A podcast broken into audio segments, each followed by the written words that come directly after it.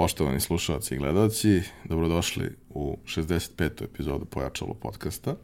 Ja sam vaš domaćin Ivan Minić, moj današnji gost je moj dragi prijatelj Miloš Maksimović.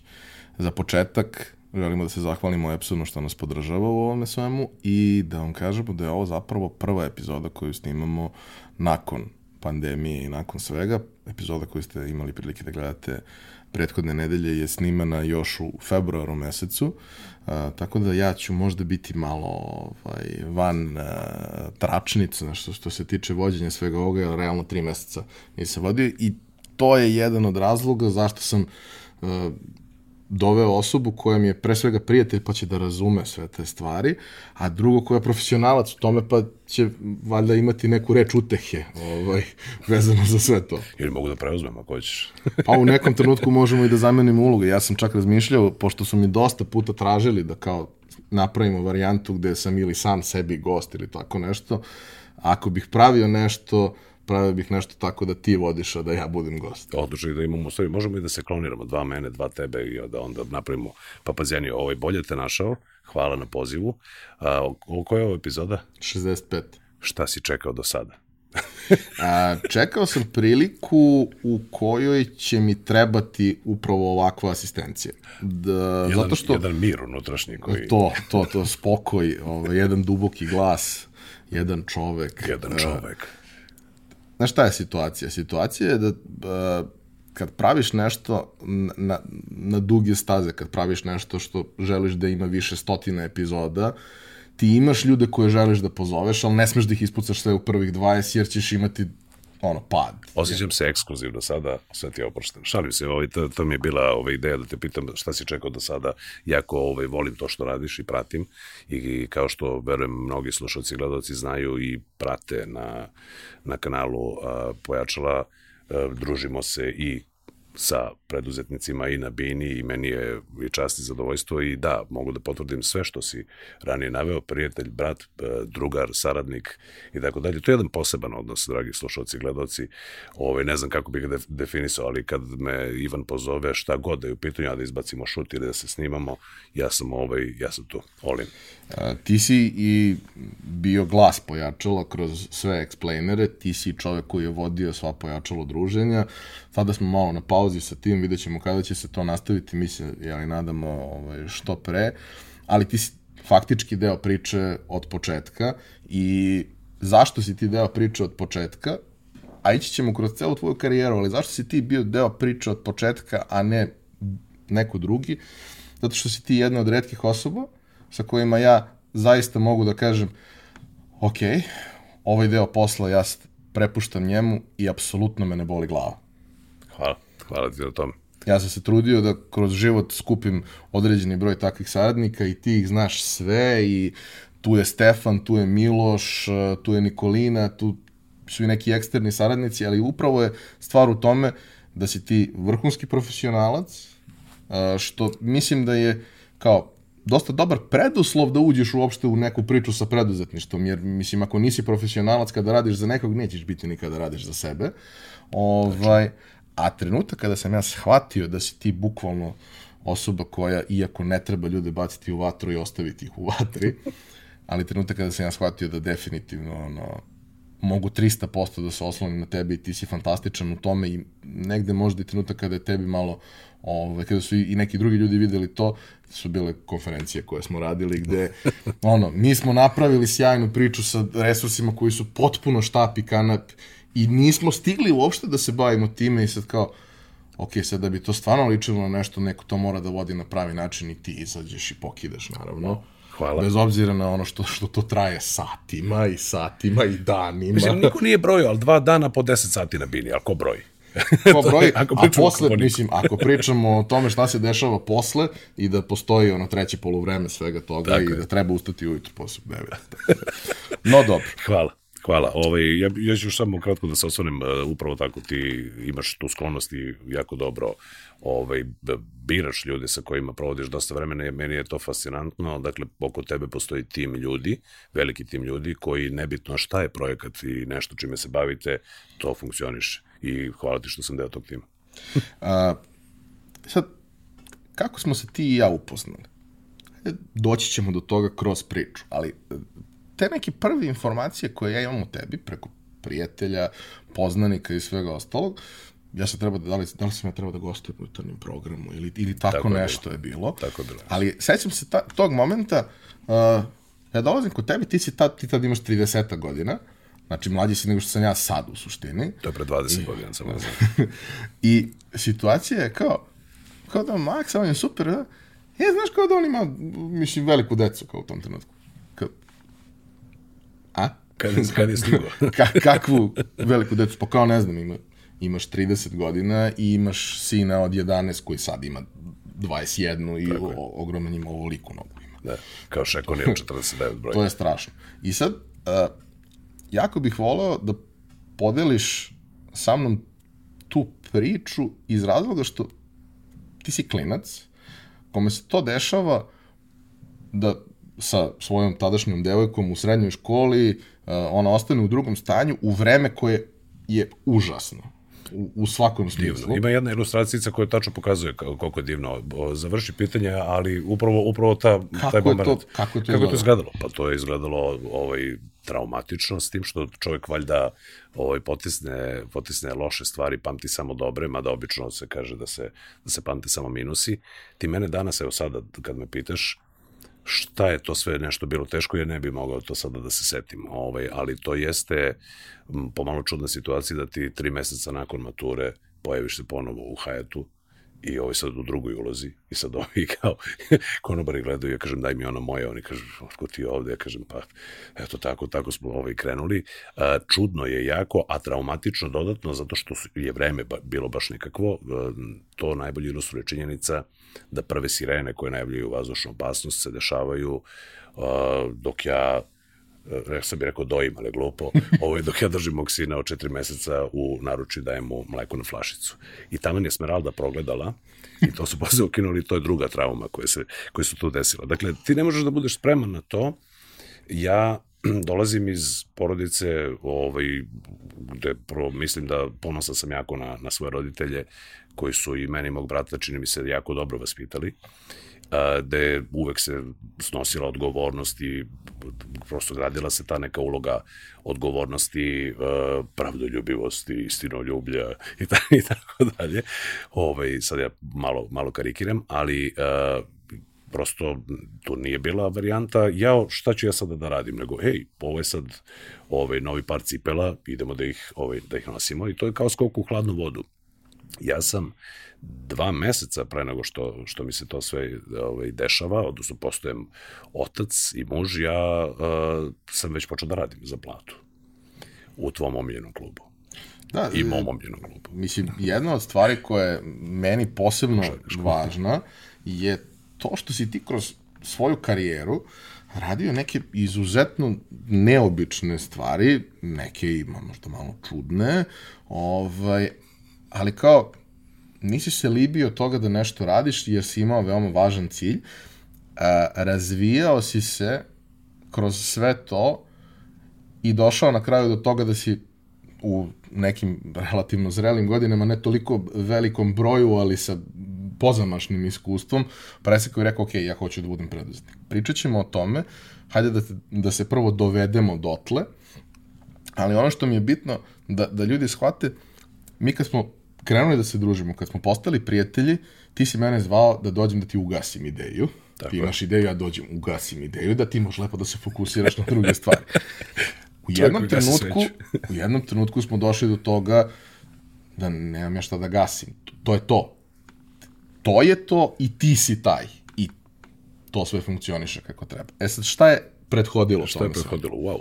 Pa dobro, to je, bit će baš dugačko, dugačka emisija ako budem ceo CV razlagao, ali ja jesam još kao srednjoškolac počeo nešto kao malo da se bavim, ne bih to nazvao montažom, ali nekim ovaj, radom na, na računarima i bilo je to od 286 i tako dalje, ovaj, pa, pa smo se kasnije upgradeovali i sad moj otac koji je uh, celog veka bio u medijima, ali bio i uh, kad sam ja bio mali generalni sekretar Košakaškog kluba Crvena zvezda, ostao je prisutan u Crvenoj zvezdi kroz neku, pa ne počasnu funkciju, ali tu je bio kao tehniko i port parol, ovaj, i paralelno sa svojim radom u, u medijima. U TV novostima i uopšte u kompaniji Borba. I u jednom trenutku, kako Zvezda, Crvena zvezda počinje da igra kup Koraća, ovaj, neko treba da pomogne malo sa engleskim. I moj otac inače proputovao ceo, ceo svet i menjao pasoše zbog popunjenosti, ali dalje se možda najbolje služi francuskim, ovaj, ne toliko engleskim.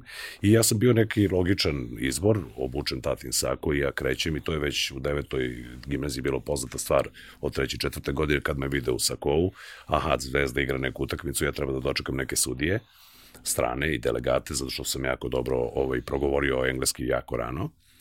I nisam, ako mogu da se setim, nisam zloupotrebio to sa sakom zbog nekog kontrolnog gada, nije bilo utakmice, prosto bilo dokazivo da nema.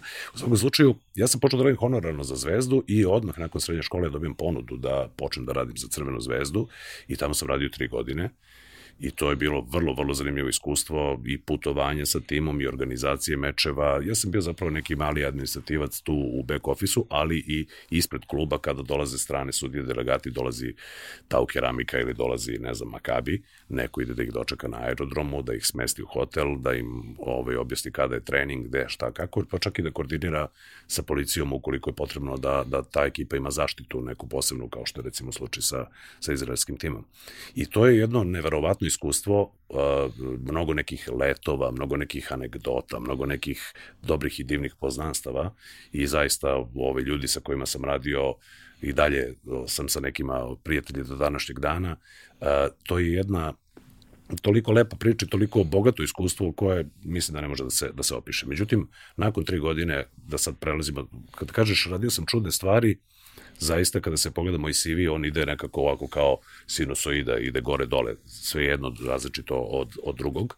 E, nakon toga ja sam otišao u uh, uh, jednu stranu agenciju za nekretnine, koja je prvo počela ovde da radi na tržištu i postao sam čovek koji pronalazi uglavnom komercijalne nekretnine stranim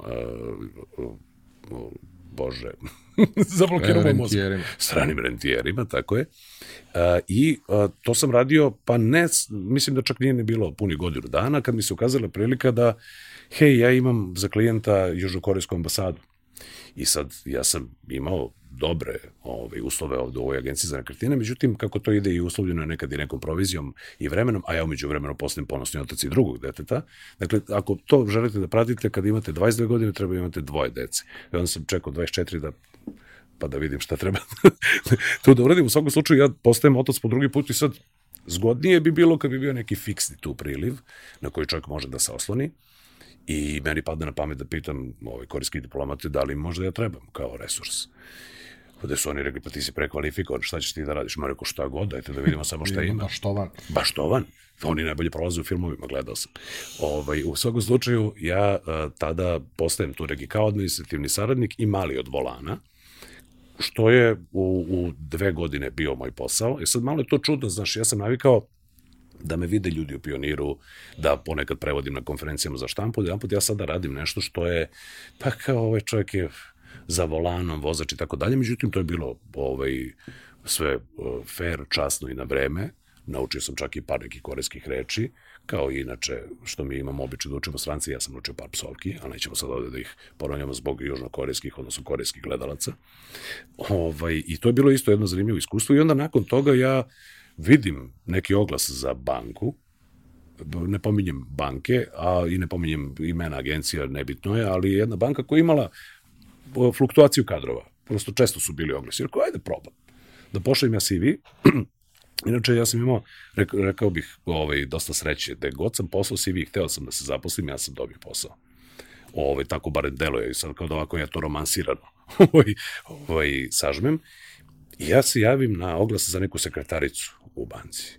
I dođem tamo i oni vide da ja ovaj, znam dve, tri više od toga i kaže, hoćeš ti da budeš zamenik šefa administracije bio jedan pod poslovni zamjenik šef, šef administracije, što je podrazumevalo koordinaciju 25 filijala, nabavku kancelarijskog materijala, otvaranje novih filijala, milion nekih drugih stvari.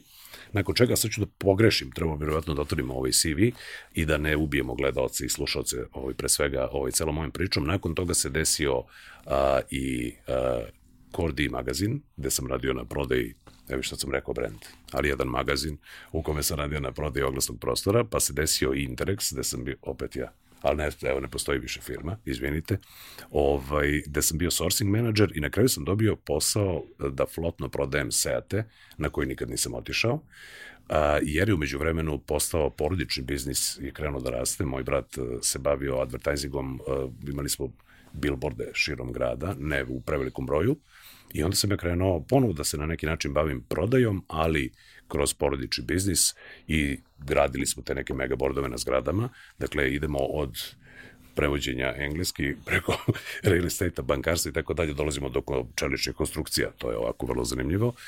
I negde paralelno kako se širi biznis pa se otvara čak i neka druga grana koja ima veze sa kozmetikom, ja vidim oglas na televiziji. Ja vidim oglas na televiziji, vidim na B92, traži se Vremenko. Vremenko et b92.net.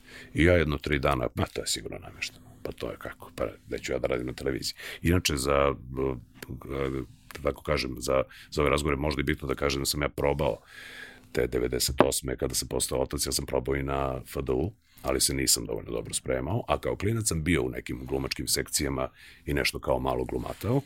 I ja ovaj, negde imam tu neku izgleda poremećenu unutra želju da se pokažem drugima i da nešto ovaj, žongliram pred, pred objektivom. I ja vidim oglas za vremenka i tri dana ja to veće moći biti, neće biti, ban daj da pošaljem, šta sad. I ja pošaljem CV, ovaj put sa tri slike, da se to vidi kako se ja smejem i pozovu me na probno snimanje i ja od nekih 30 kandidata dobijem, dobijem taj posao i onda dve nedelje sam bio vremenko i onda usladi poziv zbog glasa i kao, jel bi mogu ti da vodiš vesti? Ja sam rekao, ljudi, ja nisam novinar, mislim, ja nemam kako ja da vodim vesti. Ti dođi, pročitaj, nauči, mi ćemo malo te našminkamo, to lepo prezentuj, posle toga skini šminku i idi radi svoj posao, pošto sam rekao da dolazim iz, iz privatnog sektora, da tako kažem, i to zaista tako krene. I onda to počne da se usložnjava, dakle to nisu bile samo jutarnje vesti, nego i vesti u podne, i vesti u šest, bile su i centralne, pa nekad i večernje i tako dalje, tako bliže. Ta karijera krene da, da, da raste. Sad kad pogledamo snimke kako sam ja tu izgledao sa crnom kosom, te neke 2007. više nije to tako davno, ali dosta sam ovaj, promenio boju umeđu vremenu. Dosta si ostario. To sam ostario. Ti imaš običaj da kažeš da sam lep i stari. Pa? Le, lep, stari jedan gospodin. Stari, nek bude samo stari. Ovaj, jer lepota je u oku posmatrača. ovaj, u svakom slučaju, uh, sad kad pogledamo te snimke, to je to izgleda čudno. Dakle, na meni je neprijatno da se vidim ja, vidi ga ne zna ništa, vidi kako izgleda kao klinac neki i tako dalje. U svakom slučaju, ja vodim vesti nekoliko godina, zatim počinje emisija Stanje nacije, koja je vrlo zanimljiva, zato što ima, ima traje 24 minuta, a efektivno traje 16, kada oduzmeš reklame, džinglove, istraživanje tržišta, odnosno javnog mjenja i tako dalje, a imaš da su prostavljena stava, koja treba da se tu nešto sučele, I tu je bilo dosta zanimljivo da sad ne imitiram neke glasove, ali je bilo, ovaj, bilo je ovako dinamično. Mislim da sam izgubio 10 kila dok sam, dok sam vodio ovaj, tu emisiju. I onda kada je trebalo da počne nova sezona, ja se odjavim iz toga, vratim se ja opet na vesti i tada u nekom trenutku Gorici Dragan čuveni odlaze na Radio Beograd i ja dobijem priliku da možda vodim dizanje na radiju i ja to ovaj, prihvatam, ispostavi se da to ide ok, to sam radio dve godine, tu smo se negde i upoznali. E sad, kako to držiš slušalice na glavi, a još od malena si imitirao Mićka Ljubičića koji imitira ljude koji, ovaj, koji nešto govore, ovaj, naučiš malo bolje da kontrolišeš svoj glas. I onda mi se ukazala prilika da ne samo što vodim jutarnji program, nego mogu i da snimam i neke reklame ili korporativne ofove, pa i da vodim događaje jer ako si informativac, onda negde se ni ne percepira da to možda možeš, znaš, rade to i kolege, a negde u jednom trenutku je bio i problem zakonski, zato što je postoje član 57 zakona o oglašavanju koji kaže da ako si voditelj informativnog dečeg ili sportskog programa, ne bi smeo da daješ glas za reklame, jer se računa da možeš da navedeš potrošače na krivi trag. Rekao ja kažem, dragi gledalci, počeo je rat i kažem, predsednik Srbije, to, to, to i to, dovešću vas u zabludu oko, oko ovaj... I u nekom trenutku kažeš da je neki prašak dosta dobar. Upravo to sam da kažem i mm. kažem te Ja ovom čoveku verujem. Da, jer ti prosto da, kupuje, kupuješ, ovaj, kupuješ pažnju, veruje ti se. Ovaj, srećom, taj član je posle izbrisan. U svakom slučaju, ja sam ovaj, radio na, na, na, na radiju dve godine i onda dolazi do smene tu, dolaze Dare i Mare.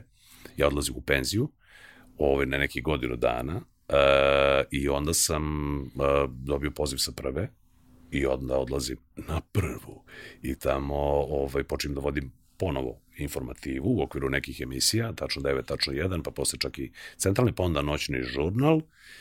I onda u nekom trenutku, e, mislim da sam tamo bio 4 ili 5 godina, možda 4, ovaj, prosto mi je bilo više tamo ideja, a ja nisam hteo više da radim informativu jer sam imao problem sa tim ofovima i tako dalje i, i, i snimanjem reklama.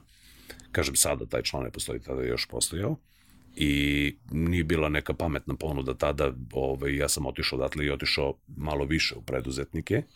U jednom trenutku sam se obreo i u HTT Pulu uz tvoj nagovor, konekciju i, i, i, i input uh, kod dobrih ljudi u HTT Pulu koje, koje jako cenim i koje pozdravljam ovom prilikom, gde sam bio skoro godinu dana uh, account direktor za Twitter za Srbiju, što je vrlo, vrlo zanimljivo ovaj, i dinamično iz toga sam se povukao prosto da, da bi neko ko može da se posveti 110% u tom poslu ovaj, bio na toj poziciji, jer se meni opet sa druge strane ovaj moj preduzetnički moment razgranao toliko da nekad desi se, a i u toku si da nekad tokom dana moram, ne moram samo, nego imam pa moram više stvari koje, koje, koje radim, koje nemaju veze jedna sa drugom, što se tiče toga da li audio, video, ko je klijent i tako dalje. E, da li misliš da tada kada se pojavila ta prilika na 90 vojci, ne prilika, nego taj oglas za posao, da li to negde kao, kada razmišljaš o tome, a obično kad, kad se stvari dese na pravi način, da posle ne razmišljaš previše, ali da li misliš da bi to bila ona varijanta da nisi aplicirao ceo život bi se kajao? Pa ne možemo to da znamo, jel?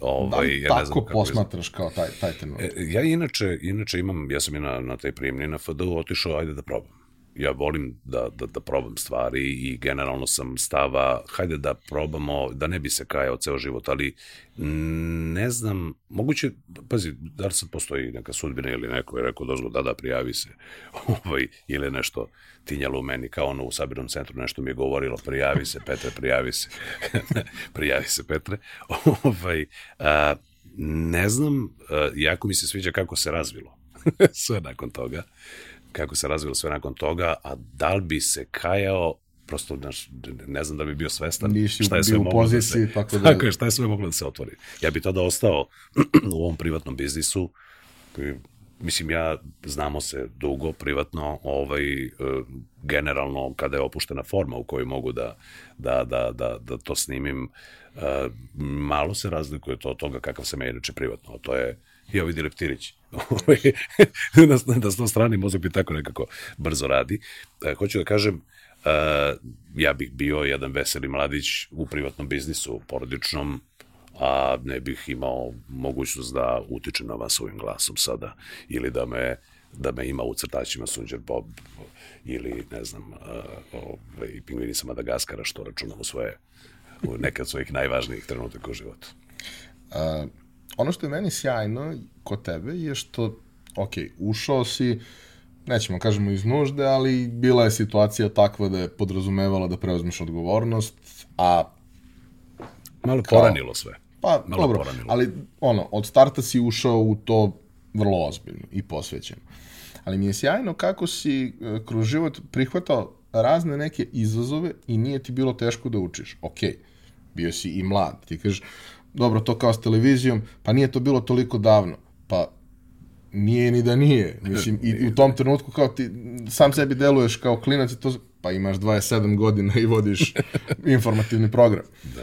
To što ti pre toga imaš već 8 godina nekog prilično onako intenzivnog iskustva, to, to je priča za sebe. Ali posebno taj moment da ono kao, ok, pojavila se prilika, interesantna je, nije te strah da uđeš u to, uh, ne potpuno nepoznato, ali nedovoljno poznato da, da si ti kažeš o, ja se osjećam komotno, ovo meni je ovo super, ja sam za ovo 100% kvalifikovan, kao, ne, ući ću i učit ću usput i mislim da je ta stvar dosta bitna da takav mindset dosta dobro prolazi kasnije kroz to preduzetništvo. E sad, baš taj moment kad si ti prvi put krenuo da razmišljaš o tome ok, radim ja nešto i to nešto ima neka plata, nešto ili honorar, ili to je sve ok, ali ja bi ipak hteo da probam nešto svoje. Rekao si da i tvoj burazer, ono, pravio svoje preduzetničke priče kroz sve to, kroz, kroz da kažem, to, taj vremenski period, u nekom trenutku si i ti krenuo sa tim idejama,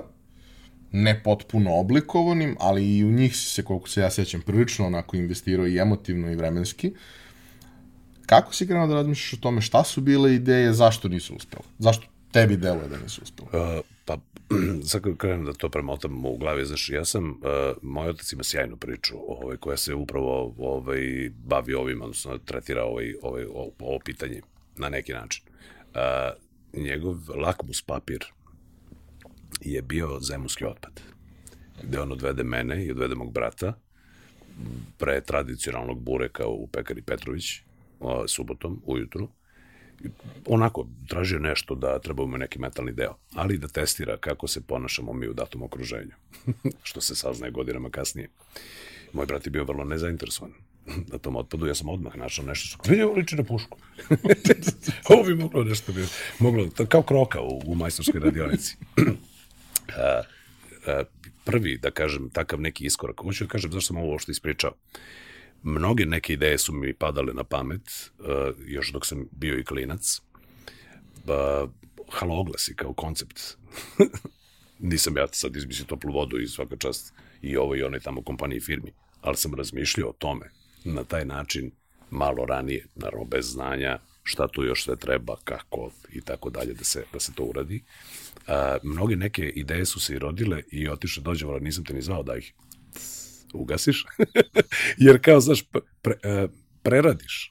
Ceo koncept i kao, a to neće raditi zbog toga i toga, a neke su bile delimično uspešne ili, ili, ili malo više uspešne. Prva je recimo, u trenutku kada ja vodim radijsku emisiju i vodim dizanje, ja imam malo više slobodnog vremena, jer ko ustaje u pola pet da bi u šest mogao da priča, u 9 je završio sa svojim radnim danom, dok vi polako dolazite svi ostali na posao, ima ceo dan malte ne slobodan, a od uvek volim automobile i nisam mogao da iščekam da, da položim a, sve vremeno za, za, za B kategoriju i od uvek sam gutao e, podatke o automobilima, dakle, džente motori, pa i top speedovi u nekom trenutku vrele gume i tako dalje. To se nećemo sada o tome, ali možemo kasnije, ali da, i sad, i sad, znaš, upijenje tih nekih informacija, gledanje i Top Geara i koje čega drugog, a, znaš, moriš neke podatke potpuno idiotske, koliko je obrtni moment onog tamo automobila koji možda nikad nećeš ne imati u rukama, ali, ali dobro.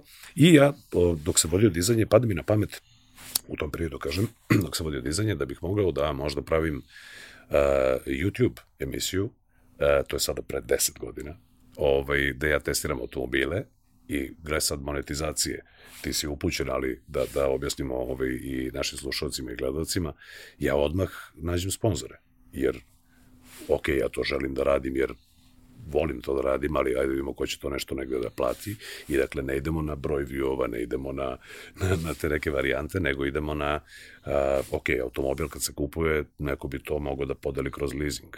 Ajde da vidimo koji bi to leasing mogao da prihvati neko bi mogao da preporuči ulje i maziva, a u jednom trenutku sam našao i lokaciju. I onda je bilo, počinjemo iz određenog dela grada gde, su, gde je novi blok zgrada, gde ja to pomenem kroz jednu rečenicu, dakle kao product placement, odnosno ne kao product placement, pre 10 godina na YouTube-u, zatim kada pričamo o ceni automobila, razloži matematiku ovaj kroz leasing i uh, nije tad bilo ni interesa, niti sam pecao ljude koji, odnosno kompanije koje se bave naftom, dakle gorivare ili gumare i tako dalje, ali sam imao neka tri sponzora i to je fino krenulo. U jednom trenutku uh, nije nikakav bio potres na tržištu, ali je moguće da je, moguće da to i korelira malo sa 2008. Uh -huh moguće. U svakom slučaju krene tu neko kašnjenje, ja stanem sa tim, odjavi, mislim da sam uradio nekih 16-17 epizoda, sad kada ih pogledam, imao bi šta šta da promenim, ali to su bili neki pionirski, pionirski pokušaji i taj posao je krenuo pa stao da bi evo oživeo pre godinu i po dana kroz, kroz drugu saradnju sa, sa Infostudom i kroz brand Polovni automobili. Uh, kuriozitet je ti znaš, nebitno je jer ovo ljudi gledaju različite vremena, ali ja upravo dolazim sa snimanja jednog izuzetnog automobila. Dakle, došli smo do toga da radim ono što volim, da uživam u tome, a da je slučajno krenulo, a ovo je zapravo nastavak ovog tog nekog projekta. I bilo je još nekih tu preduzetničkih pokušaja, ali generalno, da provam da se setim kompletnog pitanja, taj stav taj moment da, ajde da probam, ajde da pokušaj nije promašaj, kažem, negde sam tako i vaspitan. Moja majka je imala jednu od prvih, ako ne i prvu fotokopirnicu privatnu u Beogradu. I generalno i ona i otac su borci. Keva je veliki lavi i ona prosto tako pokretale mnoge stvari. Uh, evo ti sad potpuno jedan sulud podatak. Boeing 737 kada je kupljen od strane Jugoslovenskog aerotransporta, bilo je jeftinije da ga umnožimo mi manual za pilote i, i, i posadu nego da ga štampaju kao knjigu i postoji porodična manufaktura, ja se sećam neke mašine ala Gutenberg, Gestetner, koji ovako umnožava neke stranice, a i kopiralo se, mi svi idemo ako se članovi porodice uz onaj sunđečić i ako sklapamo strane, heftamo i to ide dalje i postoje neki priručak. Moj otac, vizionarski, 10 godina pre toga kupi malu plastificirku u Nemačkoj i sad kao svi na aerodromu Beograd, svi jatovci, svi iz projekta, a pitaj Boga ko još, su imali identifikacije koje je napravio moj tata. Dakle, i čovjek koji imao i posao i ovu karijeru u Zvezdi i tako dalje, dakle, potpuno neverovatno i prosto mislim da je to i genetski, ali do toga kako si vaspitan. I mi smo negde vaspitani da je čaša uvek polupuna i da treba probati da treba da budeš fluidan ovaj, nekako u, u, u stvarima koje radiš i mislim da se to baš dobro pokazalo ovaj, na, na deci, odnosno da sam ja negde pratio taj, taj, taj flow i da sam zapravo doživio neverovatne stvari. Dakle, od toga da, pazi, to moglo da bude, krenuo si sa prvim pitanjem, dakle, moglo da bude drugačije potpuno, ali tako, ja sam postajem otac u 19,5 godina, šta da radim, idem da vozim tramvaj, to je sigurna plata, ja sam vozim tramvaj i mi se nikada je bismo sreli. Ili bi, ili bi ti ja zvonio ovaj, da, da kreneš tamo na onom ukrštalju koje je čuveno ukrštalje, ali nećemo još o tome. Ovaj, možda se nekada ne bi sreli, ali je taj neki čudan, čudan put na koji sam jako ponosan i, kažem, zahvalan pre svega roditeljima. Ovaj, eto, takav danas kakav jeste, da, moj subjektivni osjećaj da imam 67 godina, jer sam dosta toga spakuo u jako malo vremena. On ima 21, on ima 18, ja imam 41. Stariji su dve godine od mene.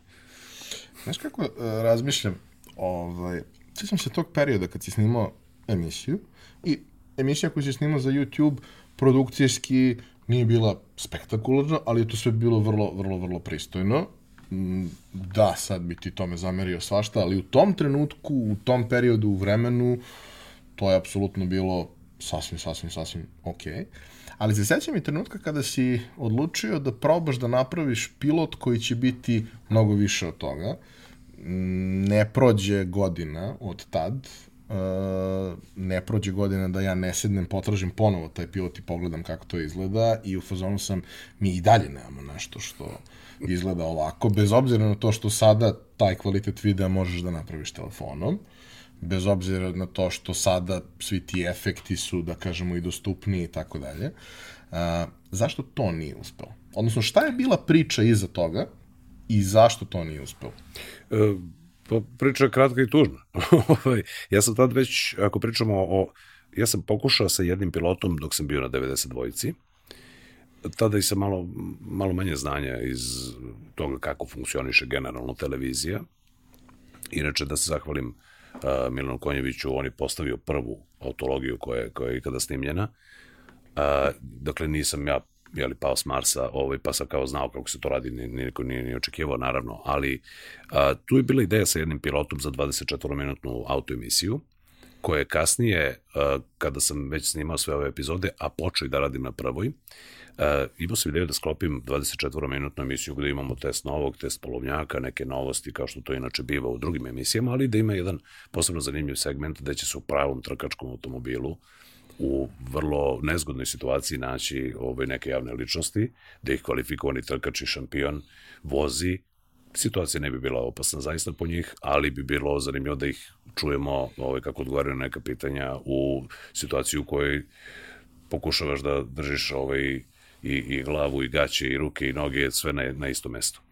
A, I ja sam došao na razgovor na televiziji na kojoj u tom trenutku radim, odnosno razgovarao sam sa, sa produkcijom I tu je bilo neko negativno iskustvo valjda sa prethodnom emisijom, koja je da li imala neko čudno reklamiranje, pa je to završavalo sa plavim kovertama. A i rejtizi tih emisija generalno nisu, nisu nešto bili mnogo visoki i to je bilo, pa se, nema mi to sad kada, znaš, ovaj... Malo je tu bilo možda i toga da sadržaj tih emisija nije bio prilagođen. Ti si imao na tržištu emisiju koju su koju je gledao najveći procenat ljudi, ali ona nije bila ta emisija, ona je bila emisija koju ti kao vlasnik polovnjaka koji je star 17 godina u tom trenutku gledaš jer sva, sve može da pođe naopako sa tim autom i kao treba da ispratiš tu celu priču. Tako. Ali to što si ti hteo da radiš je bilo mnogo više Top Gear nego bilo šta drugo. U, u, u okviru datih uslova, jeli, koji su bili mogući, ali jednostavno ubeđen sam da je pregledano, dakle da nije bilo ja dostavio i kao, ma nisam ni pogledao, ali imao sam jedan kratki sastav i kao, ma nije to sad, nije to sad tema i ok, onda ja kažem, dobro, kasnije malo dođeš do onog zaključka, zato što nije prošlo, to je u stvari potvrda da je to dobro.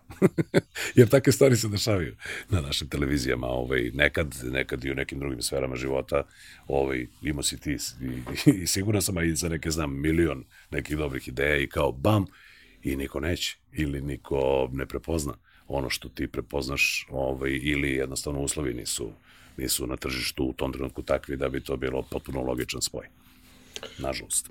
A, šta još imaš e, kao saznanje iz tog perioda kada pričamo iz toga i iz narednog perioda, kada pričamo uopšte o, o, o tome da kao praviš nekakav format za televiziju, praviš nešto za televiziju, da li o automobilima ili o bilo čemu drugom, kao o čemu uopšte ljudi treba da razmišljaju? Opet, šansa da, da li će to proći ili neće je u, u oku onog koji gleda i odlučuje i čak i da je sve idealno, može se vrlo lako desiti da se ne desi, ali kao šta bi identifikovao kao neke stvari na, o kojima ljudi možda treba da razmišljaju, šta nikako da ne rade kada, kada razmišljaju o tome da treba da prave nešto za televiziju? Pa, ja sam malo tu, da kažem, izvitoperila mi se malo ovaj, percepcija u, u poslednjim godinama. Ja sam krenuo zapravo od toga kada kada neko razmišlja o nekom takvom projektu, ako pričamo o, o, o upotrebi na televiziji, mora negde da razmišlja i o logičnom sponzoru. Dakle, nije sve u novcu, ali mora da razmišlja zašto bi to neko eventualno platio.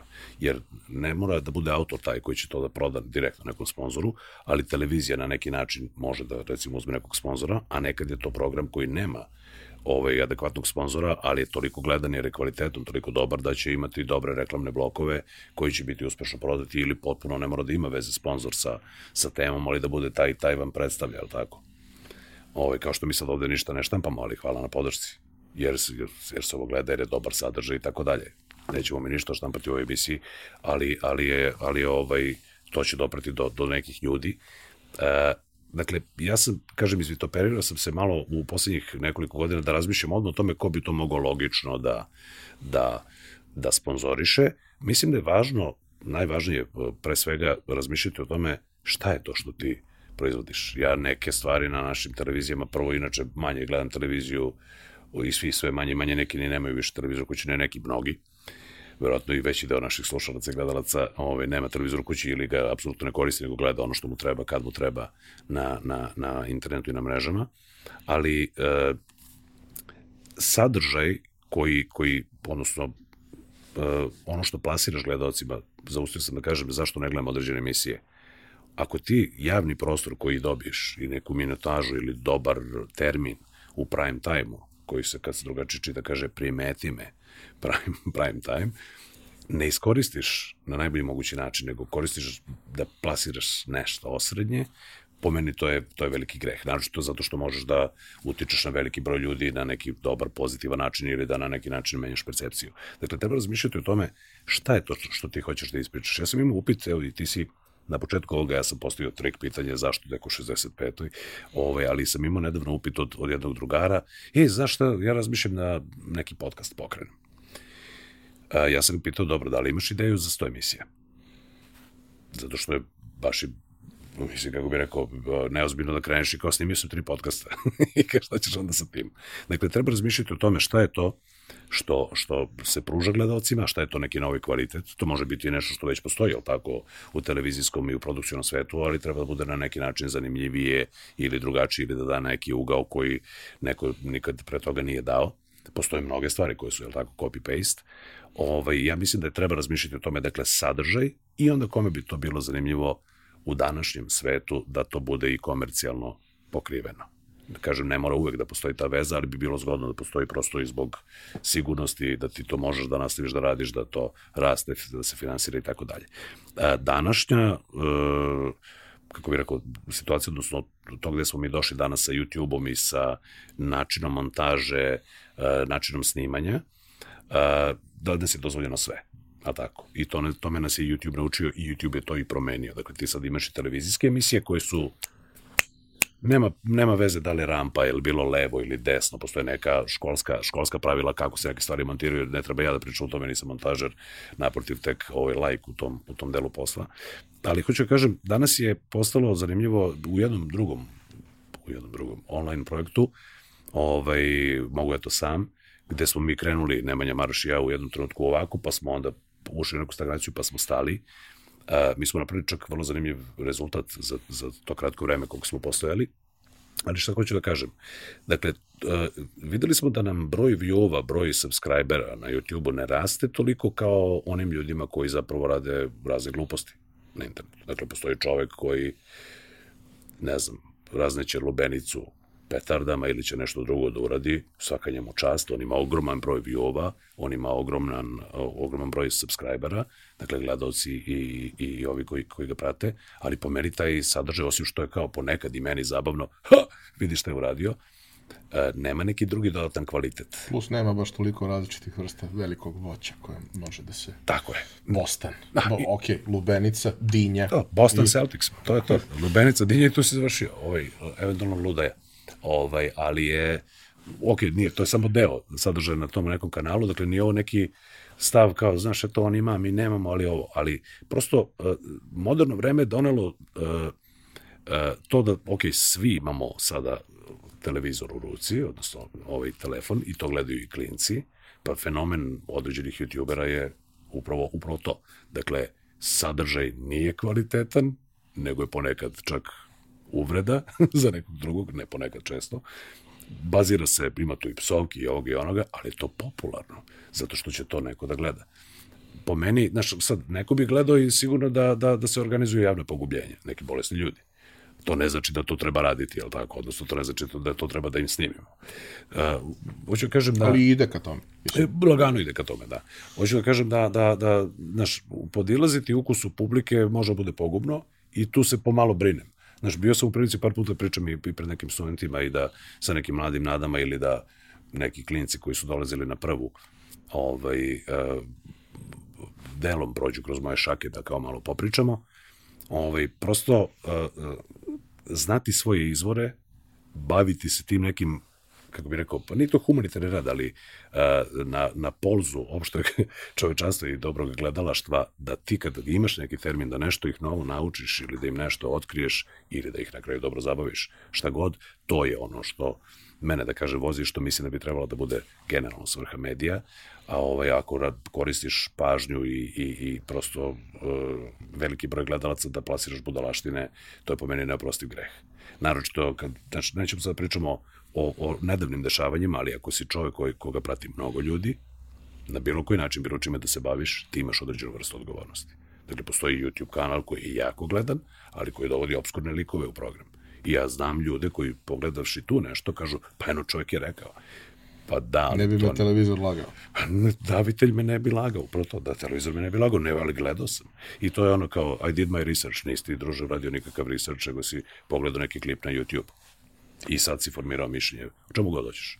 Jel, možemo pričamo o, o vakcinama, ravnoj zemlji ili da pričamo o... Ljudi, reptilijanci. Reptilijanci. ovaj, jedna od stvari, da, kao produkcija je definitivno drastično pojeftinila i postalo dostupnija svima i to je strašno na svoj način, ima posledice kakve ima.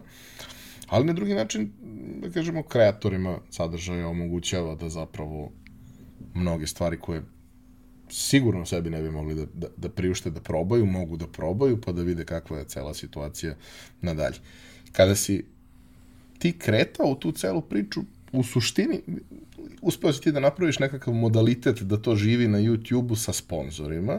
Danas postoji drugi način monetizacije i upravo jureći te načine monetizacije mnogi posežu za stvarima koje možda nisu okej, okay, ali e, u principu, da bi to tada imalo neku specifičnu težinu, ti si morao da imaš neku varijantu na televiziji. Nešto, negde.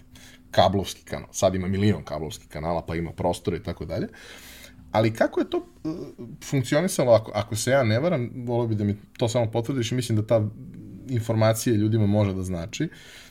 Ti kada dolaziš da pregovaraš sa televizijom, ti ideš na priču ili da oni tebi ustupe prostor, ili da oni otkupe emisiju, pa da imaju pravo na, da oglasni prostor raspoređuju dalje. Koji su generalno ti najčešći modaliteti e, Evo ovako, vazi, nemam pravi odgovor do kraja. Zašto? Zato što nikad ništa nisam prodao.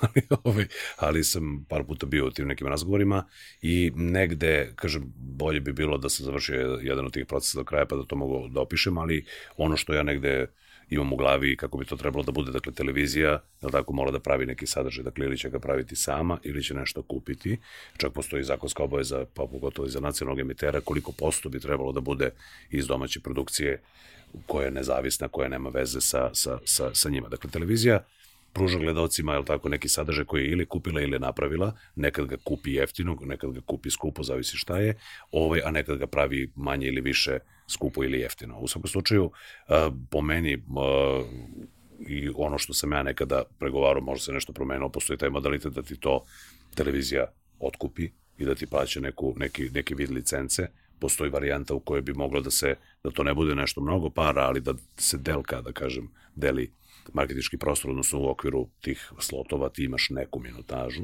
tako dosta nekih... Imaš neku minutažu da ti prodaš. Da probaš, da ti prodaš, ali ti sa tom minutažom onako dolaziš i kao, ok, najbolje da, da odeš kod nekog najvećeg, jel? Ili nekog od većih, jel? nekog najvećeg ili kod najvećeg ili, ili nekog od većih trgovaca tim vremenom i kažeš evo ovo tu ćeš naravno da uniziš malo svoju cenu i da to negde daš u, u, u taj ovaj u, tako nagomili ili varijanta u kojoj uh, evo daćemo ti termin, ali to mislim da ima malo više veze sa, sa kablovskim nekim emiterima širom zemlje i tako dalje. Daćemo mi tebi termin jer im treba zapravo popuna vremena. Nemamo šta ti damo, ali evo tebi sve te reklame i vrtećete 30 puta. Dakle, postoje neke emisije za koje ja znam koje se vrte na 135 kanala u zemlji, za koje ti ja sad ne znamo da ih nabrojimo i ne znamo da postoje. Neke televizije su dole Svinjac, gore Čardak, levo studio. Sve ok, kapa dole na trudu, možda imam tu neki dobar program, ali ih ima zaista dosta. Ovaj, I kažem, kod takvih, onda ja samo daj nešto da vrtim i daj da, da popunim program. Kažem, voleo bi da sam završio barem jedan taj proces do kraja, da sam ovaj, osmislio ideju, napravio, prodao je televiziji, pa da onda mogu da ti kažem, evo viš, moj dil je ovakav. A, krećeš u priču s polovnim automobilima, s tom pričom se koketiralo i sa, i sa polovnim automobilima se koketiralo godinama, ali u nekom trenutku krećeš ovaj, da radiš razne neke stvari sa njima i razne neke ideje za razne formate. Imaš sad emisiju koja ide redovno, ali ima i mimo toga nekih stvari koje se tu dešavaju. Um, kako je došlo do te saradnje i, znaš kao, sada si napravio saradnju sa nekim ko je opet veoma značajan igrač na tržištu, ali to nije televizije i to nisu televizijski budžeti i tu opet moraš na neki način da se adaptiraš celoj situaciji i da probaš da za razumnu količinu novca proizvedeš nešto što je zaista interesantno. Ja ne volim da gledam testove automobila, ne volim da pratim šta ima novo i sve sreće sa mojom Oktavijom i neću da je menjam i u nekom trenutku ću uzeti novu Oktav, sledeću Oktaviju, ne novu, yes. polovnu, tri godine staru, ili Superb, šta god. Ali kao, generalno nisam neko ko sad kao gleda mnogo tih testova, ali zaista nije što si mi prijatelj, krenuo sam da gledam te stvari i jako mi se dopao način na koji to radiš, zato što je veoma, veoma pitko i vrlo mi je prijatno kako to sve izgleda. Pričamo o nečemu što produkcijski, čega se u principu pa ni televizija možda ne bi postidela. Hvala. A, forma koja je, da kažemo, ne, ne, nestegnuta time da mora da traje 24.00. Tako je. Ali koja opet ima neko, neko svoje svedeno trajanje i sve ostalo. Kako je došlo uopšte do, do, do te priče?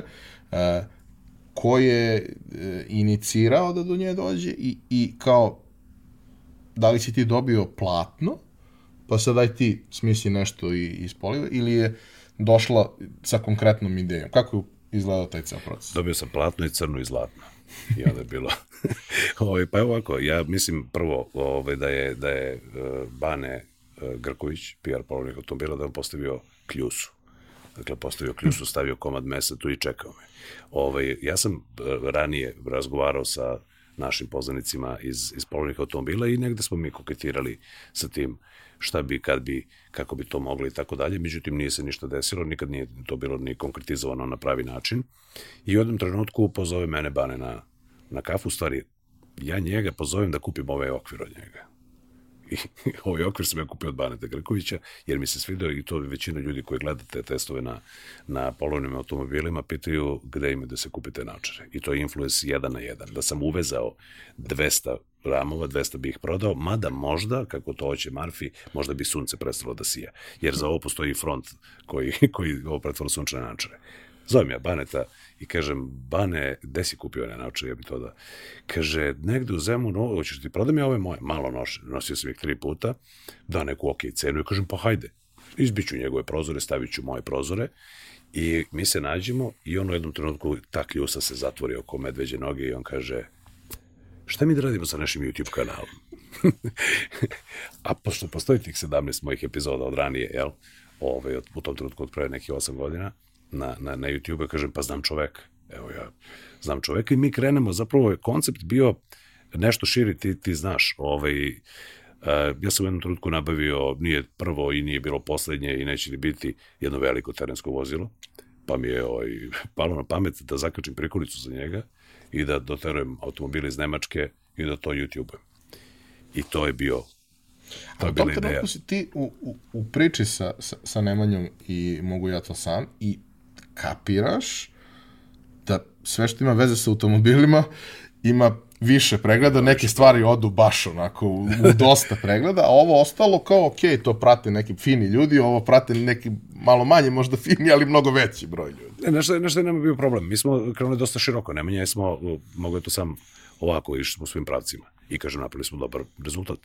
Dobar rezultat smo napravili za vrlo kratko vreme, međutim, E, to bi krenulo u rasplinjavanje, znaš, nismo se jasno profilisali, radit ćemo samo ovo ili ono, iako i dan danas, evo pre neki dan sam dobio pohvalu i kao, jao, pa što više ne snimate pa ovo, pa ono, e, milion ljudi ovaj, je imalo te pozitivne reakcije. Elem, nije, nije samo skretanje ka, ka automobilima uslovljeno time, negde sam imao u glavi, dakle u tom trenutku ovaj, moj klinac e, treba da počne da studira u inostranstvu, koje je usput kad se ide u meku, u meku ovaj, automobila i onda ja onako dizajniram, aha, ja ću sada da uzmem neki veliki auto, pa ću ja da, da prođem jednom mesečno da vidim dete, da razmenimo uređaje koji su stigli preko Amazona i da, ovaj, da donesem ajvar naravno i da dođemo ovaj, a, u Beograd sa nekim automobilom, pa zašto to ne bih YouTube-ovao? I to je bila cela cela ovaj, pecalica za banete, dakle on kljusu, a ja odavde s druge strane sa crvom i ovaj, oni načalno prihvate. I sad za tu stvar tebi treba, jer je taj automobil sam po sebi težak, pa prikolica, pa drugi automobil, tebi treba kategorija, ti mora voziš kamion. I ja odem i završim za C. Položim. Položim iz prve za C. Znači, ako zatreba... Ako zatreba, evo, ja sam...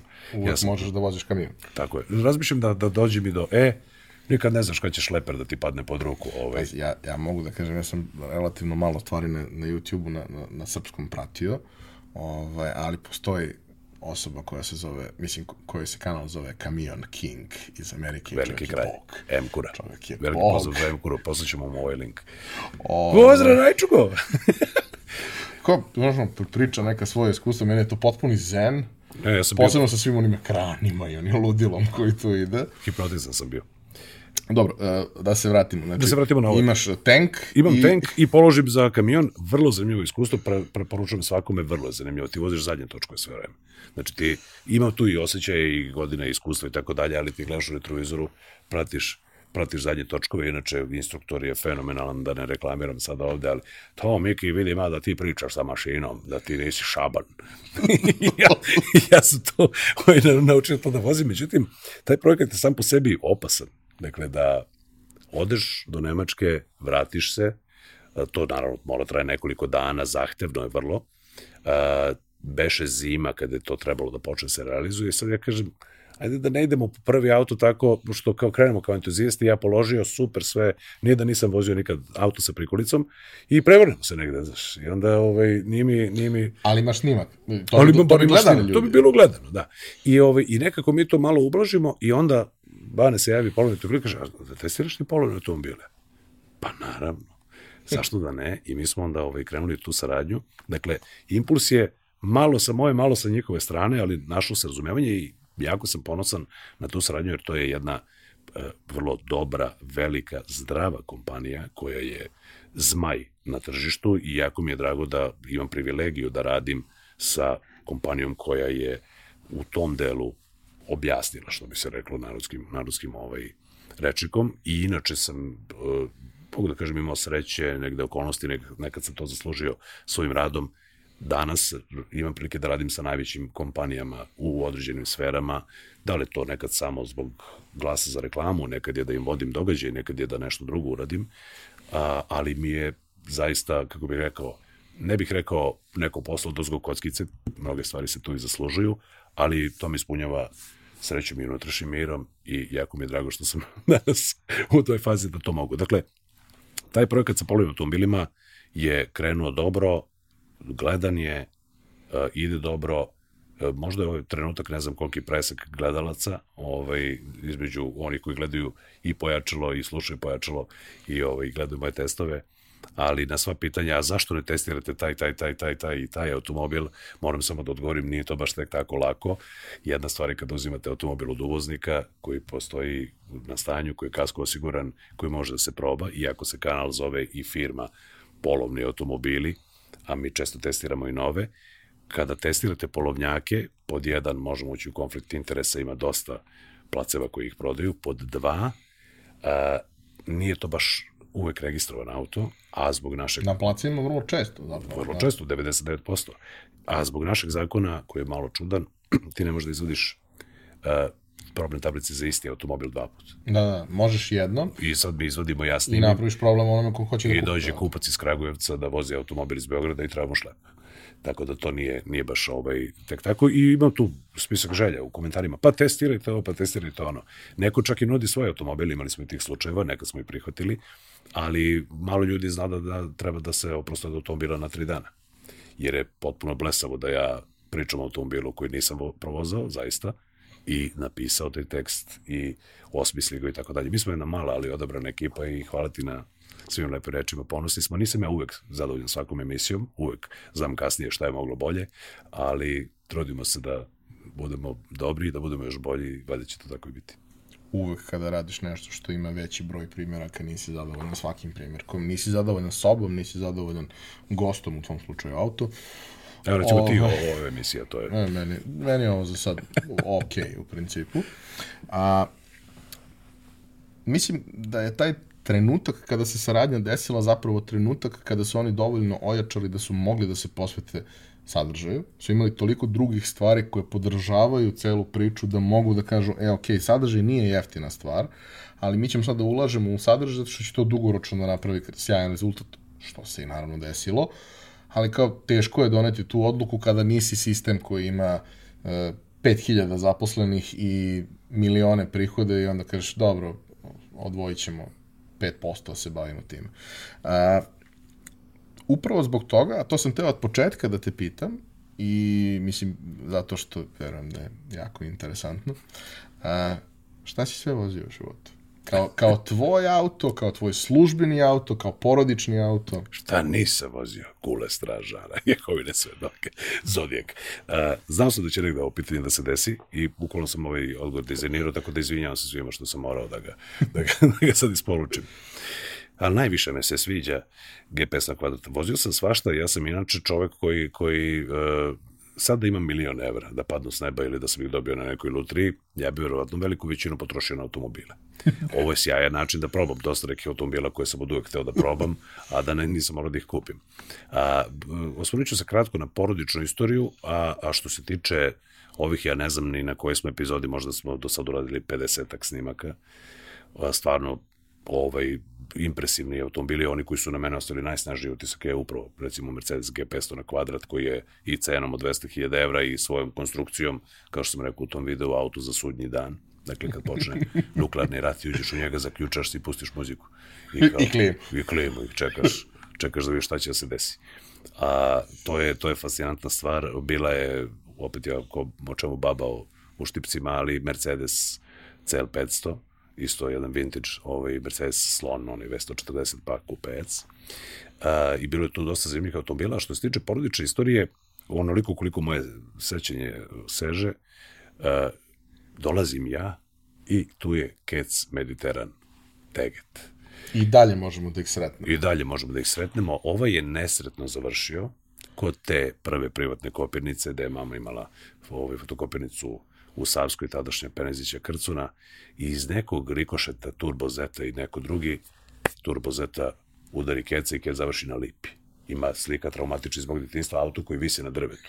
Bukvalno kao, kao na, na božičnom, božičnom drvce, dakle kao, kao na jelci. A, posle toga Golf Kec, a, ne nov, pologon od, od rođaka. A, posle toga Renault 4, a, još jedan Golf Kec, ali sa onim novim zadnjim štopajkama, one Krupnim, sa više da. krupnim. Onim. Ne, prvo bilo su one krupne, su krupne bile debele. one tri, A, ne, ne, to je drugi. E, Ne, izvini, da, bile su tri, a onda su bile one koje imaju šest. Tako je. Fazon. Eto, tu se samo nismo razumeli. A, to a, sad mi se malo gubi ovaj, šta je bilo sledeće, ali su tu bili i Suzuki Maruti, koji, ne pitajte me kako znam, ako ključ zaboravite unutra, možete da otključate petoparcem na gepeku, kao i Jugo u ostalom. A, Nissan Mikra, ali ona koja je veličine skoro golfa, stara, stara Mikra. A, Buba, kada sam ja položio, Buba 1200J, dakle ovo, Jugoslovenka, koja je u Meljaku redizajnirana, redizajnirana, bože, restaurirana kod čovjeka koji radi u Wolfsburgu, iza Erinog motela. Tad sam prvi put vidio Eru uživo. Kad sam došao, izvinite, da je, mislim da je Čika Ilija, kao, to je tu iza. I briše Era, onako ruke nešto od pečenja. Dakle, restaurirana buba sa širokim gumama Jugoslovenka, koja bi trebalo da ima samo migavce u braniku, ali ih ima na moj zahtev original i na blatobranima, koji smo delili brat i ja.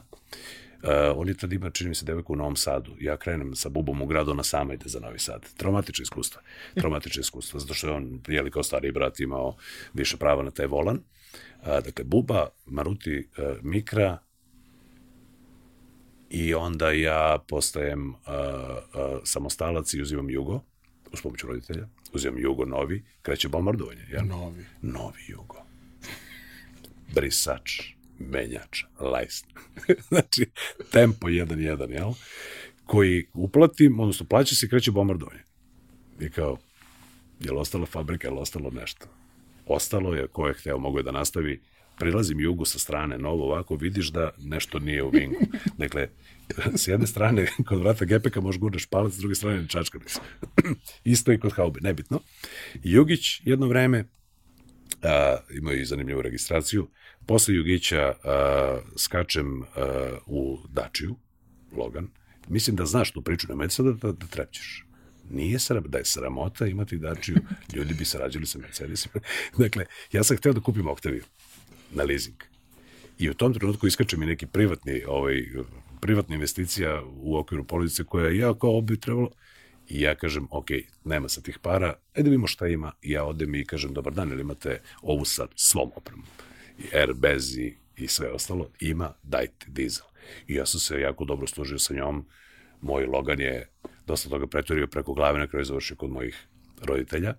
Uh, nakon Logana Ford Mondeo Caravan, kad mi Caravan više ne treba, zato što ja, vjerojatno bi imao šta da kaže neki psiholog na, na ja volim veliki auto da ne, ne ulazimo sad u tumačenje, ali volim, volim veliki auto, M ostavlja određeni utisak na okolinu, M si sigurniji, više te uvažavaju i tako dalje. I sad ja vozim karavan, ne treba mi karavan, ali ja vozim Mondeo 2.0 dizel i to sam vozio, eno ga još je živ kod, kod mog kuma. A, posle toga, a, kakva promena, a, Dodge Nitro, U, sećam se, to, to je baš bilo strašno. Dodge Nitro, odlično bila ponuda. Ko će da uzme auto sa 2800 kubika? Evo ja ću. Evo ja ću. Dodge Nitro, posle Dodge uh, Fiat Bravo, bez motora, 1.4 sa, sa fabrički ugrađenim plinom, dakle vidi brdo pre tebe, mislim da se sećaš tog plavog brava, i onda nakon toga uh, Škoda Rapid, ali hatchback, dakle ona malo lepša, uh, i posle uh, Škoda Rapid uh, Nissan, Pathfinder, i posle Nissan, ako nešto nisam ispustio, evo sada Jeep Renegade. Sjećam se uh, ovaj, trenutka kad ti dolaziš sa, sa Pathfinderom koji izgleda bukvalno kao Sećaš šta si rekao? Se sećaš šta, šta si rekao? Vratile se 90. Dobro, mislim da sam imao taj stav i kad je bio Nitro, posle si mi objasnio šta stoji za te priče i da je to bio način da se ono iz nekog posla izvuče novac koji se ne bi izvukao na, na neki drugi način. Kao, ok, auto je ok, nekad će ga nekom možda kupiti, nekad ga je neko možda i kupio i Jest, kao... Zamenio je... se. Ja njega sam zapravo me, menjao za, za bravo i, i novac. Što kaže, usitnio si. Usitnio sam ga, ali bukvalno sam usitnio. 2.8, zapremljena 1.4. I konjaža isto bila podeljena tačno na pola. A šta si vodio na poslu?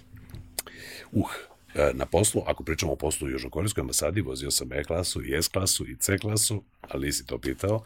Na ovom poslu, znači, i Range, i VOK, e, i pomenuti G500 na kvadrat, E-klasu, peticu BMW, X5, i3, Teslu, koja je prva koja je na srpske table, poslednje je registrovana samo za sve one koji ne veruju i pišu po komentarima, poslednje je registrovana ona u Novom Sadu, dakle prva Tesla na srpske table je bila naš novogodišnji specijal. To je isto fascinantan automobil, to bih volao da, da, da posjedujem. A, kada probam da se setim... A, Nešto od tih automobila sam. koji su ti bili ono kao e, san iz detinjstva, ono, iz, iz godina formativnih godina. Pazi, ovo nije iz, iz formativnih godina, ovo je o, ludost. Kia Sorento je, kad ga pogledaš, kao, pa ko bi to, ali ja sam nešto želeo da imam kad se ona pojavila i želeo sam da imam i vrlo je neobjektivan test koji sam objavio, zaista jeste primjera koji je vrlo čudan, zato što ima dosta godina, ali pravih, ako se dobro sećam, 40.000 km. Nov auto. Nov auto. I ja počinjem taj video sa rečima, možda je vreme da kupite veliki automobil, umesto, jer za pare za koje, ona nije bila ni jeftina, ali za pare za koje bi kupio neki manji automobil, ti zapravo kupiš nešto što ima malo više respekta na drumu.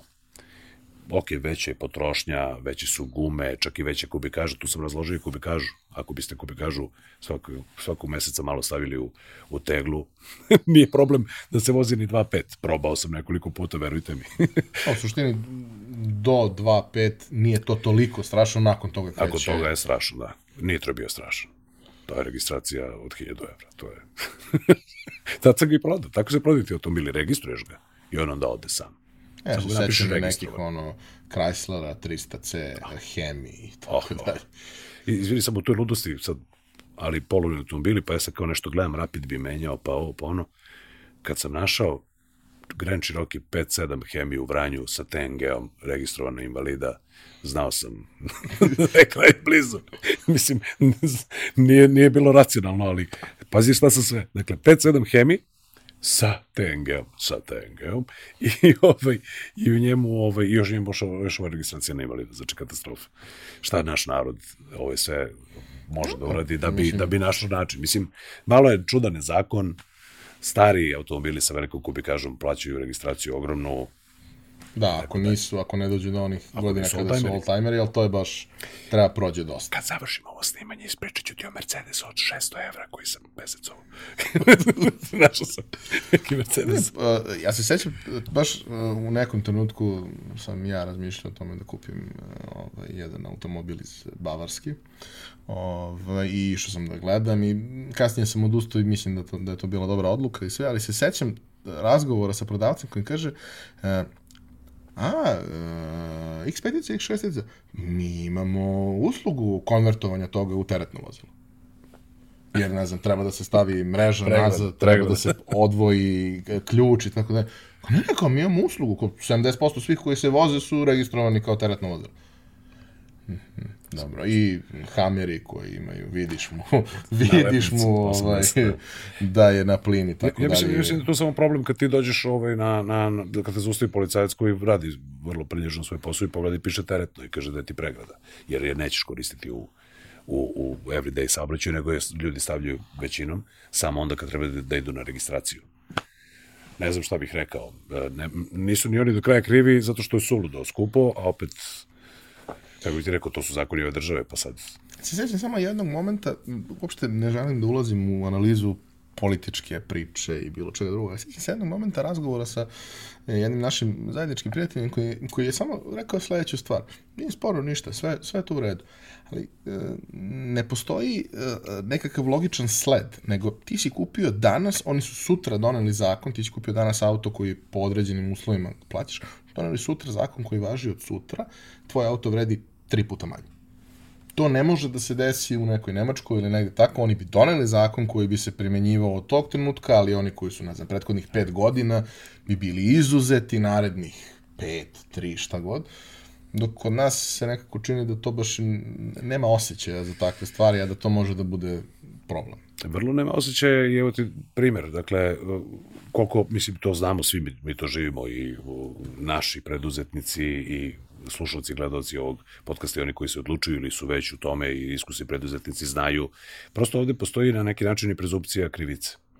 Dakle, kad je bilo preko bankarske aplikacije plaćanja računa uslužno nekome, Uh, onda su neki klinci, čini mi se u Novom Sadu, iskoristili to i naplaćivali proviziju da bi komšijama platili račune i onda od jedan put Narodna banka Srbije u tom trenutku donosi neku restriktivnu meru da kao, e, sad ovo više ništa ne može, umesto da nađeš krivci, kažeš, krivi su pera Mika Žika, ne, svi smo krivi. Dakle, ti dalje imaš dokazivanje, za malo da ne registrujem moj sadašnji auto, jer sam upao u vakum da policija traži da na potvrdi o izvršenim nalozima, jer je pravno lice mora da stoji broj šasije, to policija kaže, a banka kaže ne mogu to da stavim, rekla mi policija da ne stavim. ja, ja sam išao od jednog drugog šaltera i na kraju dobrotom osobe u drugoj filijali koji kaže, rekli su nam da ne smemo, ali evo napisat ću, znam da ne možete da registrujete nov auto potpuno, dakle, nema zbora da je, da je nešto sad, je, znate, ja sam ovo uvezo, pa sad ja registrujem neki drugi auto. To je prosto prezumcija krivice, jer su se u periodu iza nas registrovani automobili od 3000 kubika, tako što ti uplatiš 1000 nečega i posle kad ta prođe uplatnica ti dodaš nula i kažeš, evo ja sam platio 100.000 dinara, i daš to u policiju. Sad oni to treba da tragaju da li je to pravo ili nije, da li je leglo ili nije i zbog toga svi mi ostali moramo da dokazujemo da je uvek sve u redu u 17.000 primeraka, da bi onda dobio neku ćagu, pečat ili tako dalje. Kad budeš to, možemo pričati o 7 evra u Nemačkoj. A, Znaš sećam se priča o 7 evra i e, Mislim da možda ne bi bilo loše da ispričaš ukratko, zato što je, znaš, potpuno je nadrealno, no oni mene oduševljavaju, od uvijek su oduševljavali, to manje više svi znaju, ja ako nešto volim da pomenem u emisiji, volim pomenem Njemačku. To, I Njemačko auto. Njemačko auto, njemački inženjeri, inženjeri će spasiti svet i tako dalje.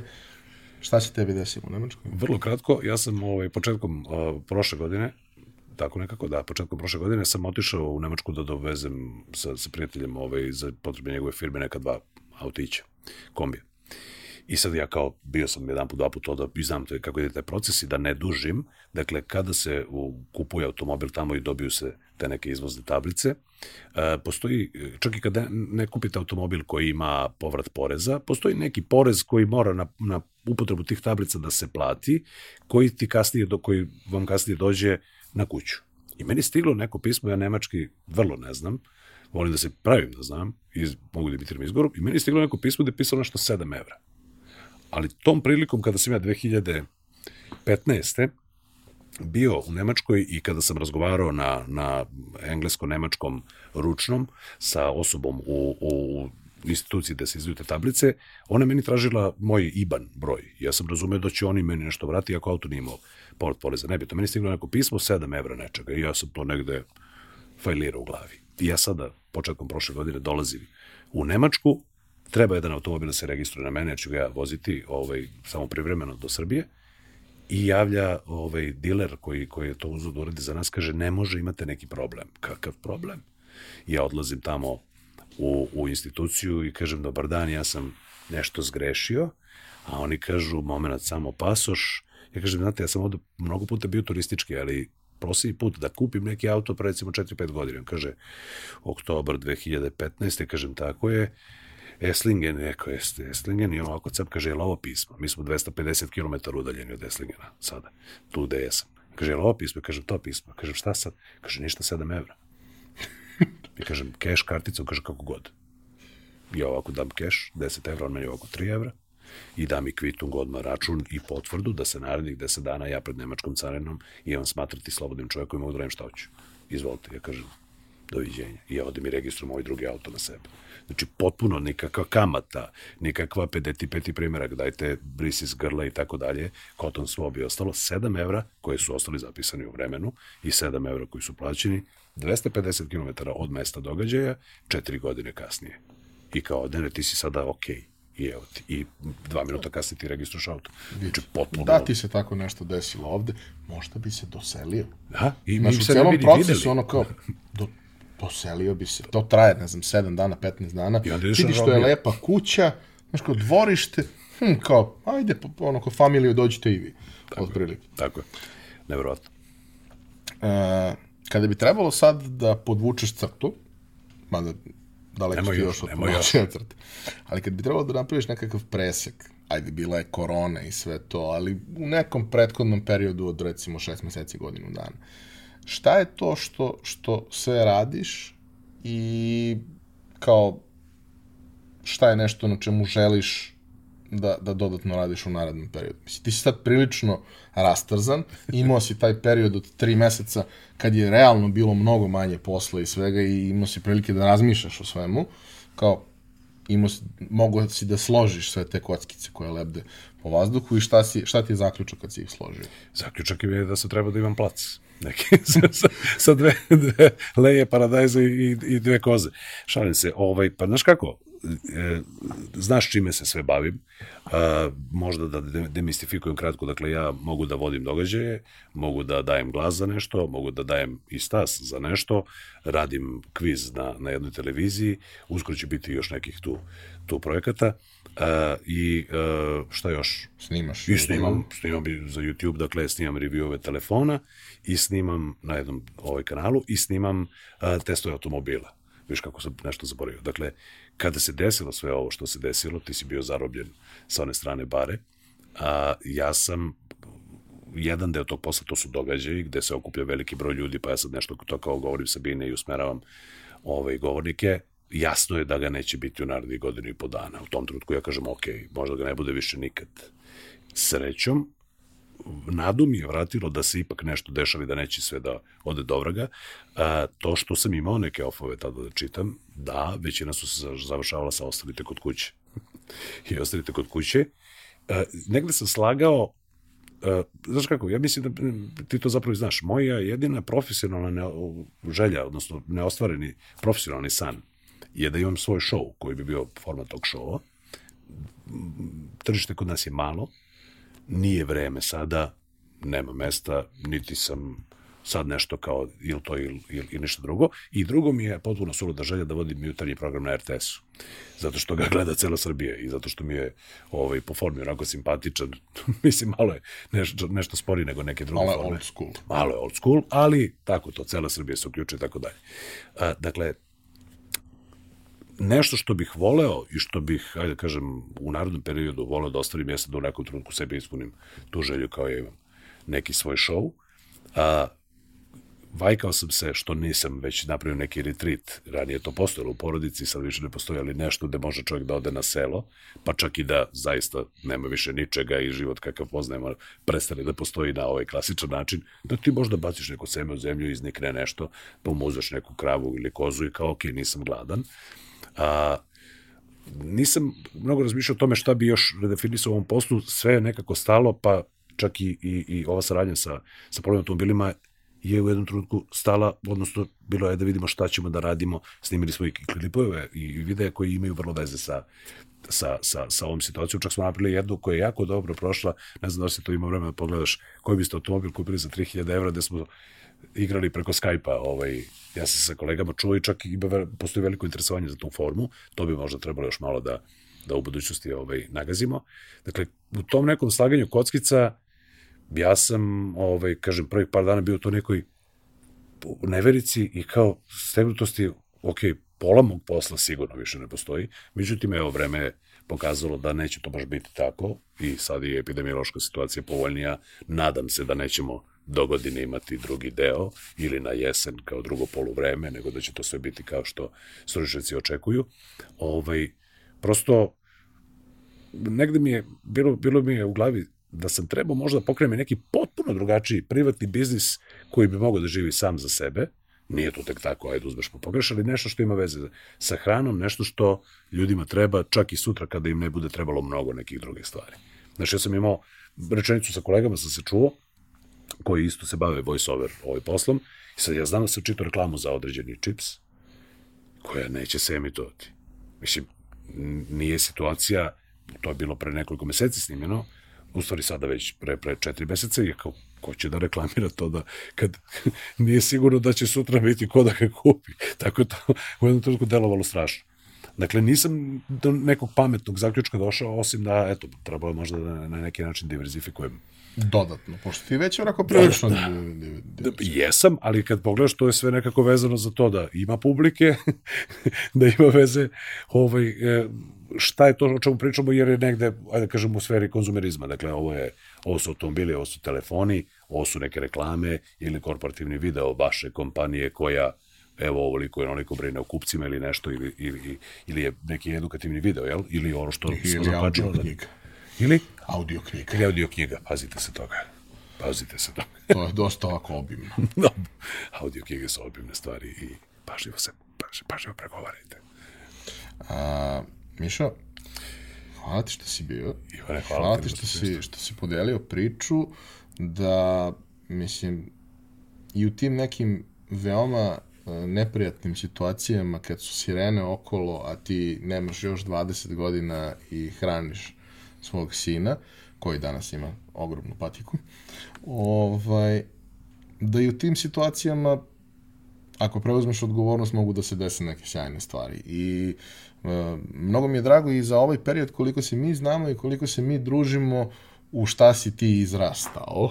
I meni. Možda, možda ne ovako, jeli, stasom, da, da, ali, ali ne, neverovatno je kroz šta si sve prošao, šta si sve novo naučio, na šta si se sve adaptirao i šta si sve uspeo da, da napraviš. Znaš, kad jednog dana pogledaš iza sebe, sve drugo je možda manje bitno od onoga šta si sve uspeo da napraviš i što se tiče porodice i toga svega, ali kao i šta je ostalo kao nekakav trag iza tebe, a ti ostavljaš baš onako ozbiljan trag. Hvala ti, ovaj, za malo da se rasplačem sada, ali da, ovaj, nadam se da ovo neće, znaš, kao, kao počeli su reći da se gomili, nadam se da ovo neće neko biti dosadno da gleda, da nije neka potpuno lična ispovest, evo slušajte sad kako šta ovo, ali da, ja sam ponosan na taj neki svoj put i kako sam se menjao. I u jednom trenutku, sad opet mala mini digresija, jedna koleginica koja se bavi ovaj radom na televiziji rekla, pa dobro ti imaš te tezge, tebe hoće to. Mislim, ide ti to. Da, hoće ti to. Hoće me. To vjerojatno ide kad si dobar, pa isporučiš ono što je klijent očekio i tako dalje. Dakle, htelo me je u nekoliko u nekoliko sfera ovaj, i nadam se da će i dalje nastaviti da me hoće.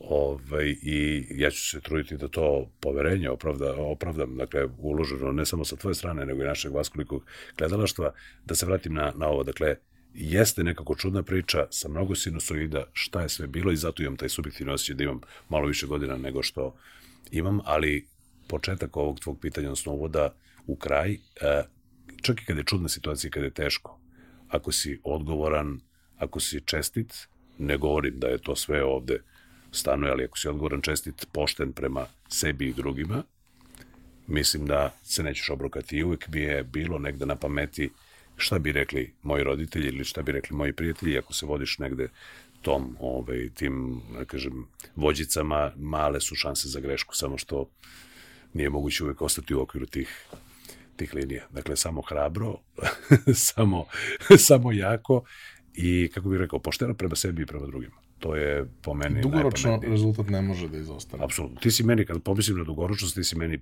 primjer, zato što smo mnogo puta pričali o nekim projektima.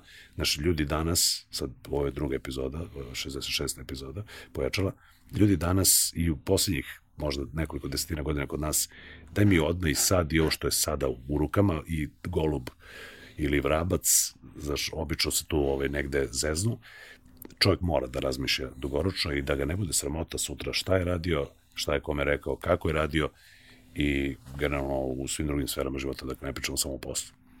Dakle, dugoročno, lagano, langsam, aber sicher, što bi rekli, je li tako? Mišo, hvala još jednom. Hvala Epsonu što nas je podržao u, i u ovoj epizodi i hvala vama što ste slušali i gledali. E, bilo je veoma zanimljivo iskustvo vratiti se ovaj, nakon, nakon ono, tri meseca e, sedim u parku, snimam sam sebe i osjećam se jako čudno. E, sada se osjećam jako čudno sa nekim, pa je to malo lakše. Hvala vam na pažnji, kao i do sada sve svoje komentare, ideje, predloge ostavite na YouTube-u i mi ćemo se truditi da to ispratimo i ukoliko je moguće i uklapa se u neku našu viziju šta, šta ovde želimo da radimo, da to takođe implementiramo. Vidimo se sledeće srede.